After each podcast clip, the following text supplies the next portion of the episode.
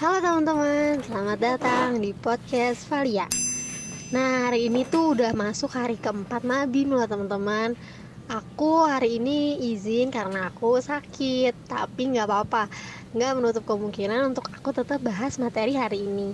Jadi materi hari ini itu adalah kecerdasan spiritual dan emosional dengan pemateri dari Pak Budi Rahman SPD dan nama moderator Amanda Salsabila. Apa itu kecerdasan IQ? IQ adalah intelligent quotients, merupakan kemampuan seseorang untuk menalar, memecahkan masalah, belajar, memahami gagasan, berpikir, dan merencanakan sesuatu.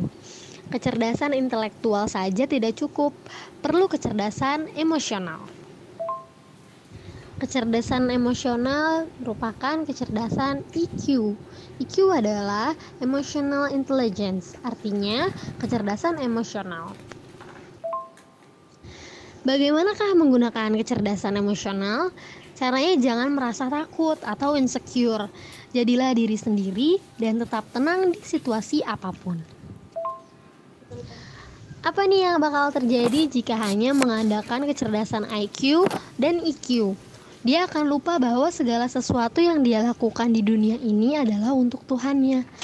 Akhirnya, kecerdasan IQ dan EQ dilakukan untuk hal-hal negatif. Yang terakhir ada kecerdasan SQ. Segala yang kita lakukan dari siapa, untuk siapa, dan akan ke mana. Ada quotes bagus nih dari Pak Budi Rahman SPD, yaitu banyak orang ingin meraih kesuksesan agar bisa mendapat segala-galanya.